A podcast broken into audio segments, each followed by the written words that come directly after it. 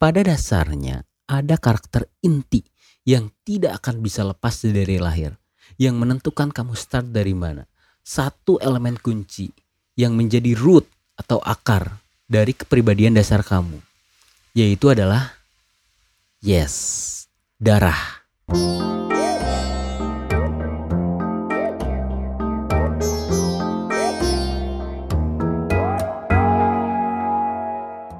Oke, kembali lagi di Mas sih Podcast. Selamat datang kembali. Di Mas sih ini bakal ngebahas tentang pertanyaan-pertanyaan di dalam pikiran kamu yang kira-kira sulit untuk dijawab. Atau mungkin menambah kamus pertanyaan yang baru. Taurus, minggu ini. Kesehatan, luangkan waktu untuk tidur siang. Ya, semua juga gitu. Cinta, hubunganmu dengan pasangan perlu dievaluasi Cie, dievaluasi sama panitia zodiak. Keuangan, hati-hati ditipu oleh orang yang kamu kenal. Cie, temenan sama Tuti alias tukang tipu. gini gini gini. Kawan, masih aja ada nih ya orang yang percaya mentah-mentah ramalan zodiak. Padahal dalam Islam tidak boleh antum percaya pada ahli nujum karena itu bersifat syirik. Muasyabah di anda antum. Gak lah, gak serem itu kok dia. Pada dasarnya kita sebagai manusia yang tidak lahir dari batu. Siapa coba yang lahir dari batu? Eh salah. Ya anak batu itu sendiri. kita manusia lahir ke dunia dapat diklasifikasikan menjadi beberapa tipe. Pengklasifikasian tersebut berdasarkan jenis-jenis karakternya. Ada yang cekatan, ada yang imajinatif, ada yang struktural, ada yang petualang, dan lain sebagainya. Banyak banget. Orang zaman dulu meringkas karakter tersebut mencari kesamaan dan perbedaan yang mereka nilai dari waktu, yaitu waktu mereka lahir, waktu lahir mereka. Riset tuh orang zaman dulu. Rata-rata yang lahir pada bulan ini gimana? Pada bulan itu gimana? Jadi deh, klasifikasi. Mereka menamakan masing-masing tipe berdasarkan rasi bintangnya. Umumnya rasi bintang itu berbentuk hewan. Masa iya sih? Oke kita kasih contoh. Akan berbeda tipe seseorang yang lahir pada musim kemarau dan musim dingin.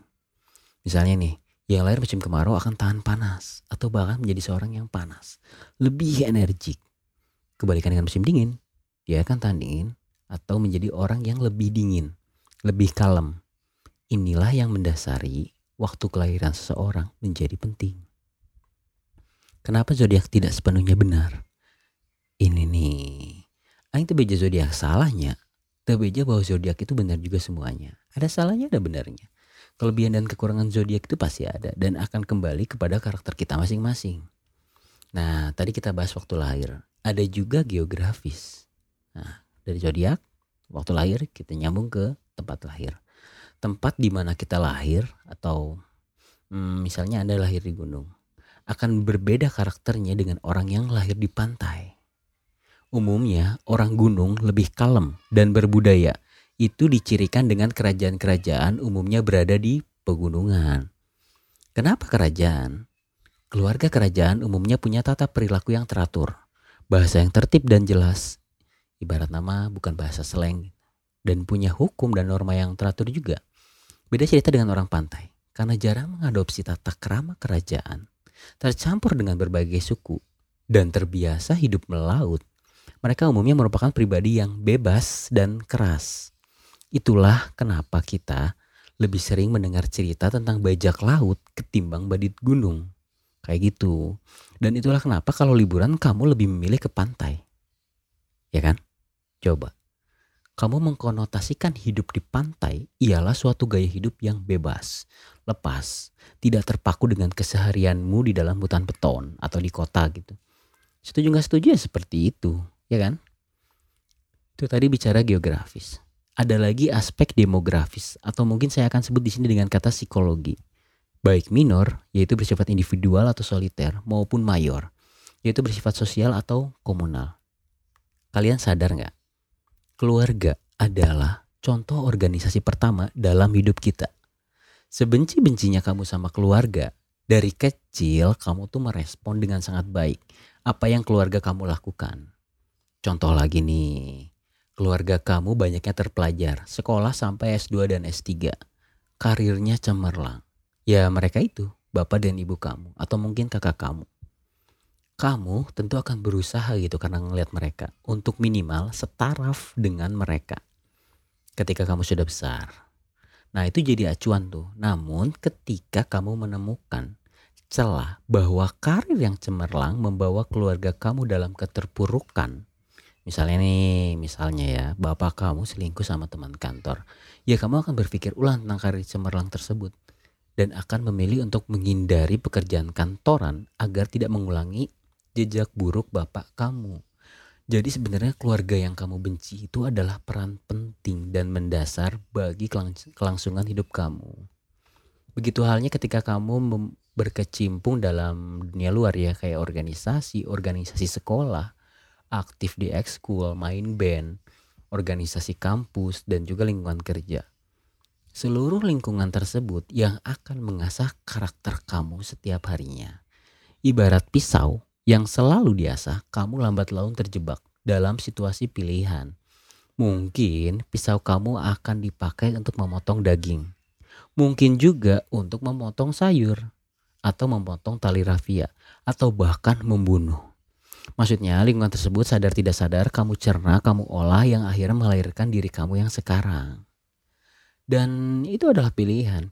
Apakah kamu akan menjadi karakter yang menuju kebaikan atau keburukan? itu tadi kita bisa menilai seorang dari waktu lahir.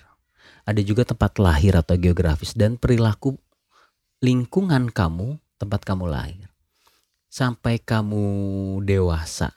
Nah, itu semua merupakan media asah dari karakter kamu agar kamu semakin tajam.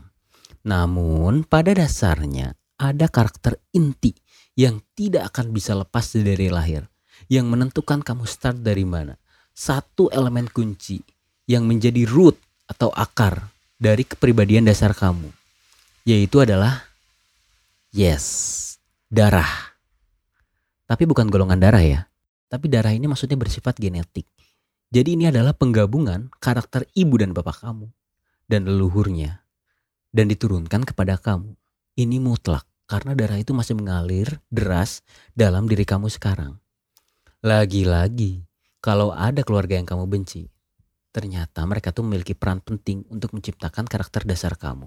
Kelihatanlah mana yang turunannya pekerja keras, mana yang multi talenta, mana yang petarung, mana yang pemalu, dan lain-lain. Inilah namanya penting untuk mengenali diri sendiri dulu, potensi diri atau biasa disebut bakat. Itu adalah kepribadian inti. Bukan kemampuan motorik ya, tapi lebih kepada kamu lahir oleh siapa dan akan menjadi apa willingness, survival skill, cara kamu hidup. Kamu yang terlahir di keluarga raja akan memiliki darah kerajaan. Entah bentuknya seperti apa ya. Begitu juga kamu yang lahir di keluarga petarung akan memiliki darah petarung, siap untuk bertarung dan lain sebagainya. Jadi diri kamu sebenarnya terbentuk oleh aspek waktu dan tempat lahir. Kondisi keluarga, kondisi lingkungan di luar keluarga atau di luar rumah, dan yang paling penting darah turunan genetik dari leluhurmu. Zodiak itu hanya salah satu aspek bro dalam pengklasifikasian diri gitu dan baik diri kamu atau diri orang lain atau penilaian kepribadian kamu. Maka dari itu tidak sepenuhnya akan sama dengan kondisi kamu sehari-hari. Gak salah sih cukup dijadiin referensi aja dan bersiap membentuk strategi. Bagus kan kalau ada kisi-kisinya? Kamu bisa pelajari agar tidak terjebak dalam situasi yang tidak kamu inginkan. Ya kayak gitu sih. Nah kalian ya kalau udah pernah ngeksplor tentang zodiak, ada nggak nih metode lain untuk menilai karakteristik orang lain? Kamu bisa jawab atau sharing nanya-nanya tentang zodiak ke email bumiutaraku@gmail.com. Jangan lupa main ke Instagram aku ya, saja bumi spasi utara atau Avardi. Boleh juga bantuin kirim ide untuk apa yang mau dibahas di next episode.